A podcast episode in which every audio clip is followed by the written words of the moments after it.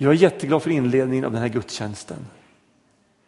För den, den har fokuserat på respekt och vördnad för Gud, beroendet av Gud och betjänandet av våra medmänniskor. Eh, och jag tycker att det är en oerhört viktig eh, aspekt när det gäller just det här temat, den yttersta tiden. Jag ska läsa den bibeltext som Peter läste, inte riktigt hela men delar. Jag läser från en ny bibelöversättning som heter The Message. Och enda anledningen till att jag läser den igen är att det här är på ett lite enklare språk, lite mer lättillgängligt språk. Jesus har alltså fått en fråga och han säger så här, se upp för domedagsbluffar. Många ledare kommer att gå under falskt namn, säga att de är Kristus, Messias. Många kommer att gå på det. Tappa inte huvudet om ni får höra om krig och krigsrykten. Det är den gamla vanliga historien. Och det betyder inte slutet. Folk slåss, folk slåss mot folk och härskare mot härskare om och om igen. Det blir svält och jordbävningar på olika ställen, men det är ingenting mot vad som ska komma. De kommer att kasta er till vargarna, döda er, alla kommer att hata er för att ni är uppkallade efter mig. Och det blir bara ett värre, men med allas krig mot alla, alla flyger varandra i strupen, alla hatar varandra. Mitt i all förvirring kommer lögnhalsar att förkunna eh, kommer lögnhalsar till förkunnare att stiga fram och lura mängder av människor. Många andra kommer att duka under för en epidemi av ondska så att bara aska återstår av deras kärlek. Håll ut. Det är vad Gud vill. Håll ut ända till slutet. Det ska ni inte ångra. Ni kommer att bli räddade. Under hela denna tid kommer de goda nyheterna, budskapet om riket att predikas världen över. Ett vittnesmål som det inte går att undgå i något land. Och sen kommer slutet. Herre, så ber jag om den helige andes ljus över ditt eget ord. jag ber om ditt starka tilltal rakt in i våra egna liv och våra hjärtan. Amen.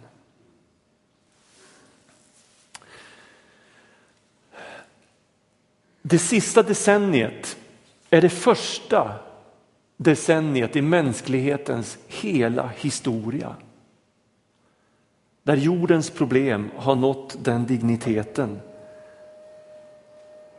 att det med absolut nödvändighet måste kopplas ett globalt grepp för att komma till rätta med dem. Förr har enskilda nationer och enskilda grupper kunnat tackla problem och lösa dem. Men idag måste vi föra en global dialog för att kunna tackla de enorma utmaningar som mänskligheten står inför. Ska vi kunna lösa miljöproblemen, ska vi kunna lösa klimatproblemen, ska vi kunna lösa de ekonomiska problemen så krävs ett globalt grepp. Aldrig tidigare har utmaningarna för oss människor varit större än idag. Vad som kommer att hända med jorden är idag något som berör alla människor och mer eller mindre upptar de allra flesta människors tankar, kanske till och med dagliga tankar. Många oroar sig. Väldigt många människor är rädda. På morgonen den 15 februari i år drabbades staden Teljabinsk i Ryssland av ett meteoritnedslag. Den här meteoriten, jag har sett en dokumentär om hela den här händelsen och den var hisnande, den dokumentären. Den här meteoriten inträdde i jordens atmosfär över Ryssland ungefär vid 9.20 lokal tid på morgonen och blev till ett eldklot så massor med bilister har fångat med sina, i Ryssland har man nämligen videokameror i sina bilar för att kunna styrka, trafiken är så våldsam så man behöver videokameror för att styrka olika händelseförlopp i trafiken. Massor med videokameror fångade det här eldklotet som plötsligt bara drar in över himlen. Som en fullständigt ett obegripligt fenomen. Hastigheten in i atmosfären var cirka 18 kilometer i sekunden. Eller 65 000 kilometer i timmen, 44 gånger snabbare än ljudets hastighet. Meteoriten passerade över södra Uralregionen, exploderar över staden Teljabinsk. Och den ryska vetenskapsakademin uppskattar att meteoriten hade en massa på ungefär 10 000 ton innan den kom in i jordens atmosfär. Och där började den brytas sönder på en höjd på mellan 30 och 50 kilometer.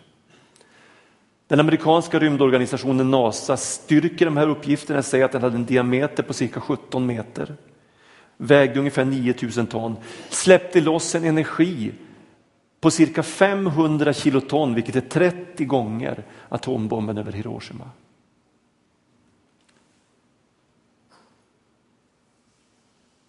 Om inte den här meteoriten hade brutits sönder innan nedslaget. Och varför den bröt sönder har man olika teorier omkring.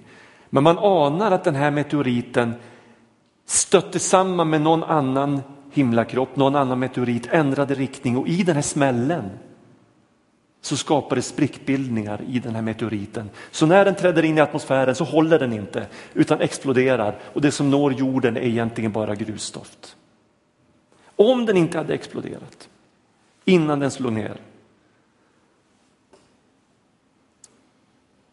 så hade en enorm katastrof varit ett faktum. Ingen visste att den här meteoriten kom. Och vi tänker det här har man koll på. På NASA och på andra ställen. Man vet exakt vad som rör sig i himlarymden och vad som är på väg mot jorden. Inte. Ingen hade den minsta blekaste aning om att den här meteoriten kom. Och man har olika förklaringar på det också, varför man hade missat den.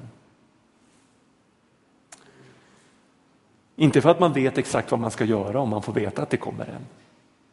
Det finns många stora teorier om hur man ska bemöta ett sånt, eh, eh, ett sånt hot.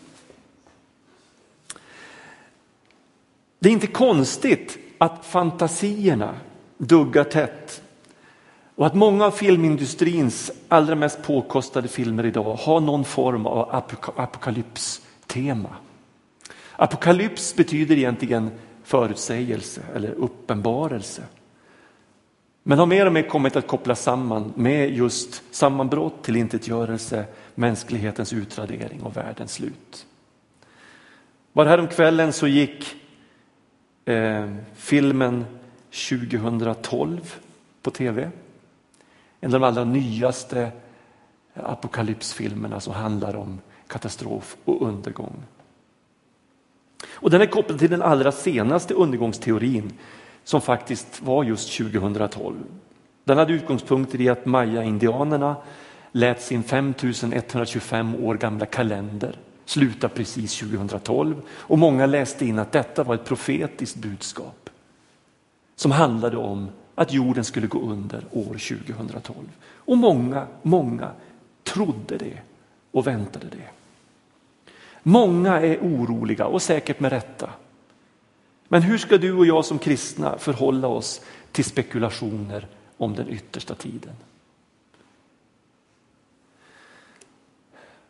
Jag har läst det Jesus säger i den här texten i Matteus. Jag har läst kringtexterna, jag har läst dem om och om igen. Jag har läst Lukas 21 som är Lukas motsvarighet till Matteus 24 och 25. Vad är det Jesus vill säga oss och vad är syftet med det han säger till sina lärjungar? Utgångspunkten är en fråga om tidens slut och Jesu återkomst och lärjungarna säger vad blir tecknet? Och det här skulle i princip kunna vara vilken modern människas fråga som helst. Eftersom samma frågor är aktuella idag. Vad blir tecknet? Och hur jag än vrider och vänder på de här texterna så tycker jag mig komma fram till samma svar. Jesus verkar säga ungefär så här. Leta inte tecken. Det är fel fokus. Håll huvudet kallt. Låt ingen jaga upp er och skrämma er. Koncentrera er istället på att förkunna de goda nyheterna om Guds rike i hela världen. Koncentrera er på Guds vilja. Koncentrera er på att alltid söka det goda. Koncentrera er på att ställa era liv i det godas tjänst. Lev så att ni alltid är beredda. I Matteus 24 säger han, se upp med domedagsbluffar.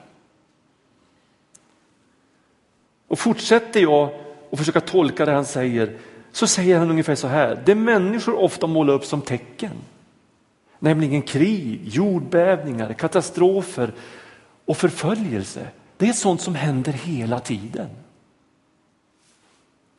Det är inga tecken.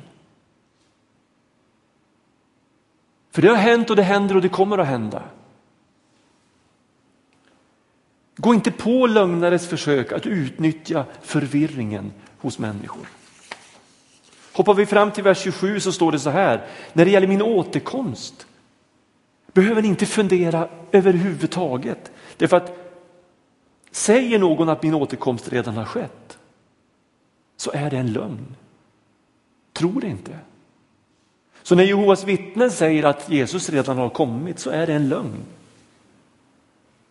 Han har inte kommit. Och så säger han så här, människosonens återkomst kommer du inte att behöva gå någonstans för att se.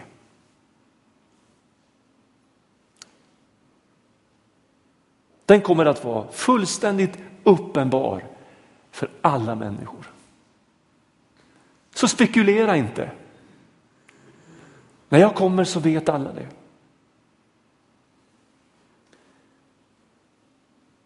Håll ut. Det är vad Gud vill. Håll ut till slutet. Det kommer ni inte att ångra, för ni kommer att bli räddade. Och budskapet om riket ska förkunnas i hela världen och bli till ett vittnesbörd för alla folk. Eivor och Roland Antonsson, ni har hört Eivors vittnesbörd. Hur hon blev frälst, hur hon mötte Jesus. Och det som det, det, det, finns en sån fläkt av friskhet över det här vittnesbördet och över, om ni skulle få höra fortsättningen, över deras livsresa. De mötte Jesus till frälsning som unga vuxna. Ett möte som kom att forma hela deras liv. Hela livet har de brunnit för att berätta för andra människor om Jesus. För att hjälpa människor till livet med honom och gång på gång när vi satt där på mitt kontor och de berättade sitt liv för mig så kom de in på att de fått be med människor till frälsning.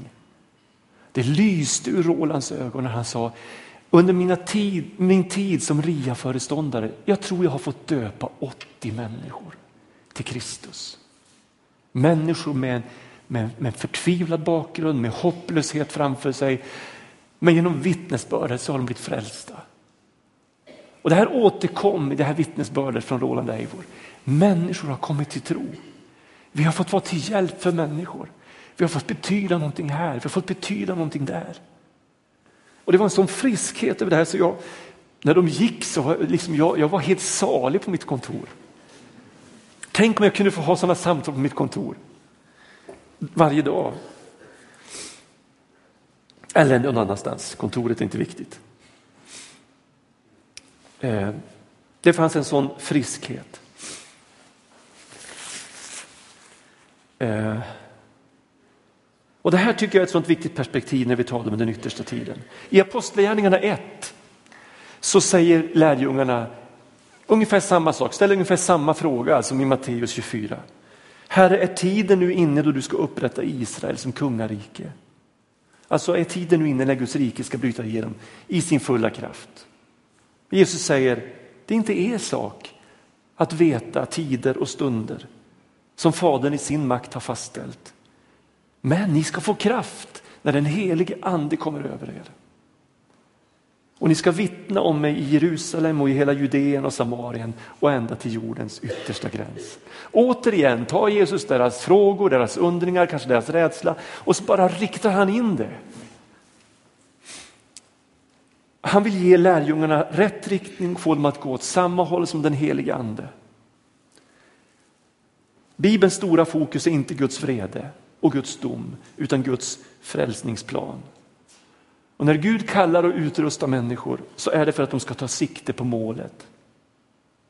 Och orädda, okuvliga, uthålliga fullfölja sitt lopp. Och på vägen lovar Gud all hjälp vi kan, vi kan tänkas behöva. Jag tror att du får ta bort ljudet lite grann så får jag snyta mig.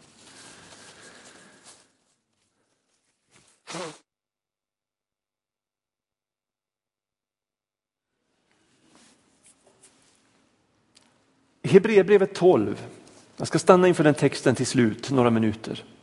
Där skriver eh, Hebreerbrevets författare så här.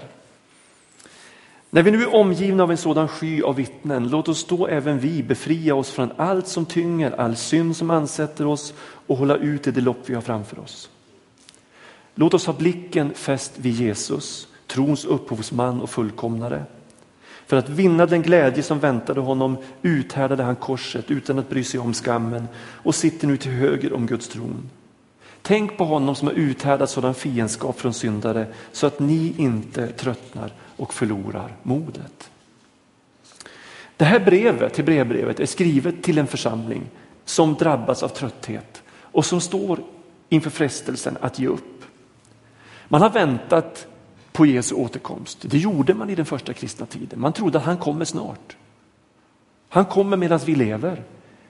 Det var säkert alla Jesu lärjungar helt övertygade om. De första församlingarna trodde han kommer snart, men han dröjde. Och därför måste författaren till Hebreerbrevet lägga allt krut på att uppmuntra, trösta och förmana sina läsare. Han beskriver det kristna livet som ett lopp. Målet ligger framför. Gömt i Guds ord, gömt i Guds löften. Och därför gäller det att fokusera. Lägga bort allt som hindrar, ta emot all hjälp som ges. Och då säger han, när vi nu är omgivna av en sådan sky av vittnen, vad är det för vittnen författaren talar om? Ja, det handlar inte om himmelska åskådare till det som händer på jorden. De heliga som har gått före oss in i härligheten, de vilar. De är inte upptagna av det som händer här nere på jorden. Det säger Jesus väldigt tydligt. Så det handlar inte om att de sitter och tittar ner på oss och liksom följer oss och, och tvingas se allt elände på den här jorden. Utan de är fria, de vilar. Utan det handlar om andra vittnen. Det handlar om människor vars liv, arbete, lidande och död i efterhand talar om deras tro.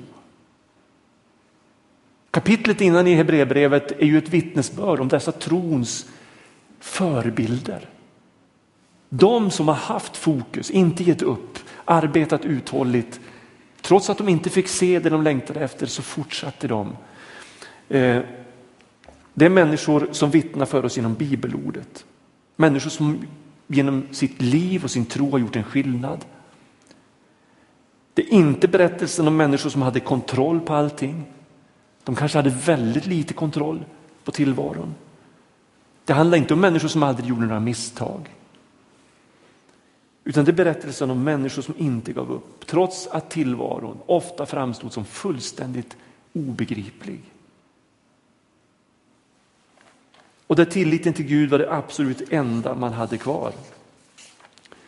En av dem var Abraham. Om honom står det så här, där allt hopp var ute, där hoppades han ändå och trodde. Och det är ett av mina favoritord i Bibeln.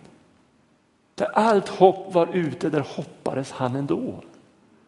och trodde. På något sätt tycker jag det, det är det som borde stå över den kristna församlingen. Där allt hopp är ute, där tror de och hoppas ändå. De ger inte upp. De bara fortsätter och fortsätter. George Bernard Shaw han har sagt så här, ett liv fullt av misstag är inte bara värt mer respekt utan också mer användbart än ett liv bortslösat på att göra inget. Ett liv som inte är levt. Ibland är vi så rädda för att göra misstag så vi, vi vågar ingenting. Gud kallar oss att våga allt för hans rikes skull. Låt oss då även vi, fortsätter författaren, befria oss från allt som tynger, all synd som ansätter oss. Med andra ord, vi har inte råd med onödiga bördor som tynger oss och hindrar oss. Och I den här texten så liknas synden vid en lös, lång klädnad som snärjer sig kring benen på den som springer och hindrar honom från att springa.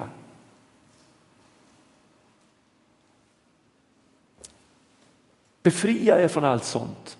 Allt som tynger, all synd som ansätter oss. Ska vi orka fullfölja, hålla ut i det lopp vi har framför oss så måste vi leva avskalat. Jag har ett minne. Urban Widholm är det många av er som känner. Under, en period av sitt liv så sprang han över hela världen. Han sprang genom hela Sverige först och sen sprang han ner genom Europa. Han sprang i Afrika, han skulle springa över hela jorden. Han sprang i Asien, han var i USA och sprang. Och han samlade in pengar till fattiga, jag tror han samlade in många miljoner genom att bara springa för världens nöd. Och en gång så hade han fått för sig att för att väcka uppmärksamhet så skulle han springa Stockholm Marathon. Med en stor, stor jordglob eh, upphängd i en ryggsäcksmes, så bara huvudet stack upp. Och så var det en stor jordglob så och så stack benen ner nedanför. Och i den skulle han springa 4,2 mil. Och ni kan ju tänka hur det gick, han orkar naturligtvis inte det. Eh.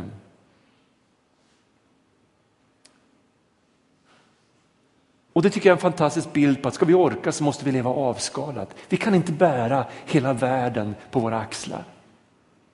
Om vi ska fullfölja loppet till himlen. Vi måste leva enkelt, avskalat, fokuserat.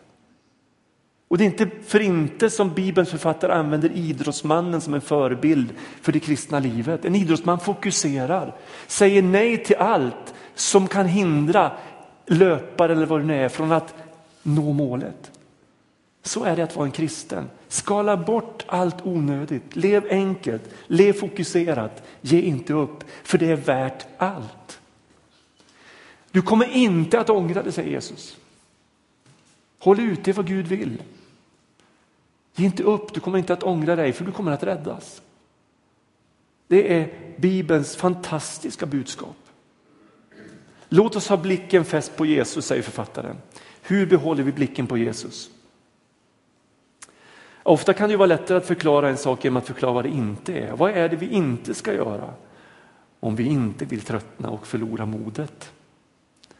Det finns ett väldigt intressant, en intressant passus i, i en av Jeremias profetior. Jeremias texter, Jeremia 2, i början där några verser framåt. Ett märkligt bibelsammanhang där vi liksom får inblick i den himmelska världen. Och Gud ropar till himlarna som både häpnar och ryser när de ser människors handlande. På modern svenska skulle vi säga att Gud sliter sitt hår. När han utropar så här, kan ni fatta detta? Människorna håller på att förgås av törst. Och ändå går de förbi det vatten jag ger dem. Istället gräver de den ena brunnen efter den andra med förhoppningen att den ska släcka deras törst. Men varje gång gör de samma upptäckt. De får en mun vatten och sen har brunnen sinat. Ändå gräver de en ny och en ny. Istället för att gå tillbaka till det friska levande vatten som jag vill ge dem. Alldeles gratis och i överflöd. Kan ni fatta fatta att detta händer, säger Gud. Och så sliter han sitt hår. Ibland får vi för oss att det kristna livet handlar om att vi ska få kontroll på Gud. När det i själva verket handlar om att han ska få herraväldet över oss. Vi ska vila i hans hand, inte han i vår. Vårt kontrollbehov får oss att gräva den ena brunnen efter den andra. För vi vill inte vara beroende. Vi vill fixa det här själva. Någonting i oss vill inte alls ha blicken på Jesus utan vi tänker det här klarar vi så gott på egen hand. Kan ni fatta att detta händer, säger Gud.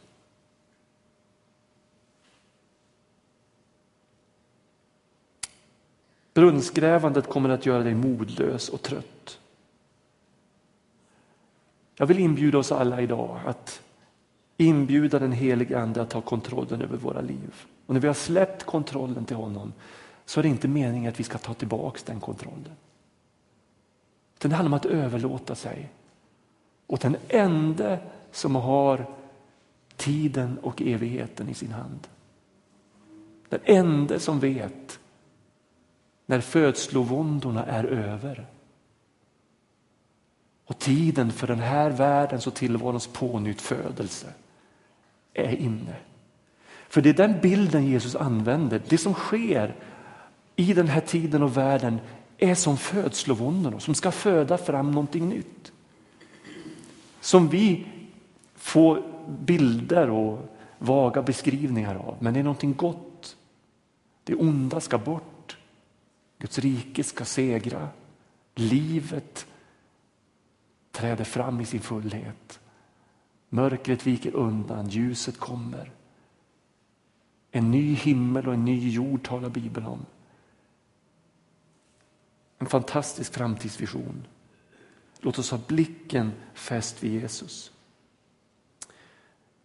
Till sist, befinner du dig i kris? Guds ande vill lysa på dig för att visa dig att destruktiva livsmönster inte är det innersta hos dig. Utan en fiende som redan är besegrad. Och som du inte behöver styras av. Ditt sanna jag är djupare än så. Ditt sanna jag har sitt ursprung i Gud. Ditt sanna jag längtar efter att bli berört av Gud. Och ditt sanna jag längtar efter att kunna beröra andra. Det är ditt sanna jag. Du behöver inte ha kontroll. Du behöver inte få svar på alla frågor.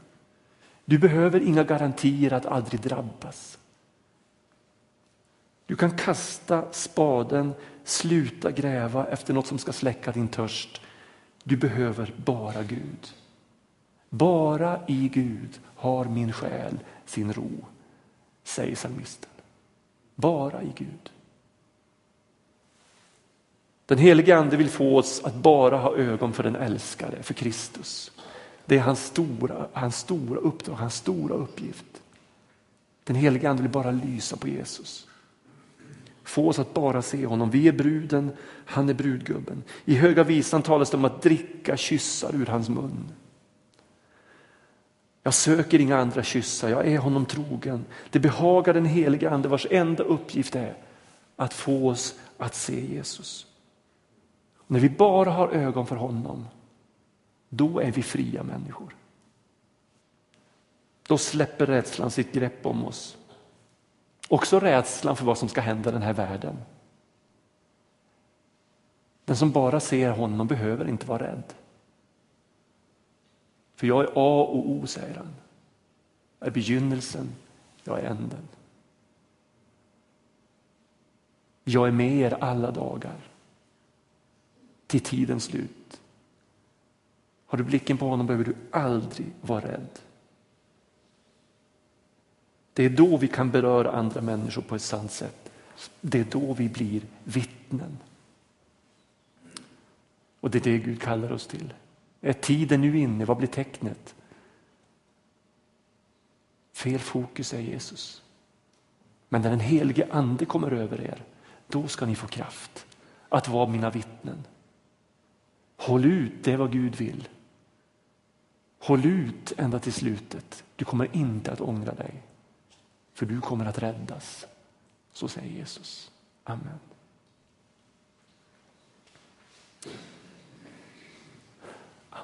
Tack Gud. Jag ber att din frid bara ska sänka sig ner över den här gudstjänsten, över var och en som sitter här. Att allt som möjligtvis har distraherat bara ska få blåsa bort. Och att du ska träda fram. Jesus, du har segrat, du har brutit dödens udd. Du har avväpnat andevärldens första och väldigheter. Du har låtit den bli till skam inför alla. Du har triumferat över dem.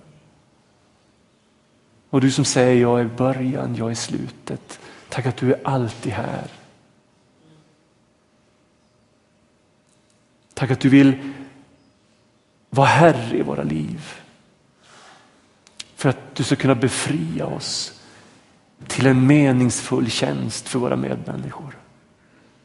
Befria oss från all rädsla. Gör oss sant fria i den här världen. Tack att du är här, tack att du älskar oss. Tack att du vill röra vid oss. Och jag ber särskilt för den som upplever sig bunden eller känner sig rädd, lever i kris, undrar hur det ska bli. Tack att du gång på gång bara ställer oss inför vägskälen. Inte för att vi ska tveka utan för att vi ska kunna följa dig. Tack att du är här just nu. Tack att du älskar oss. Amen.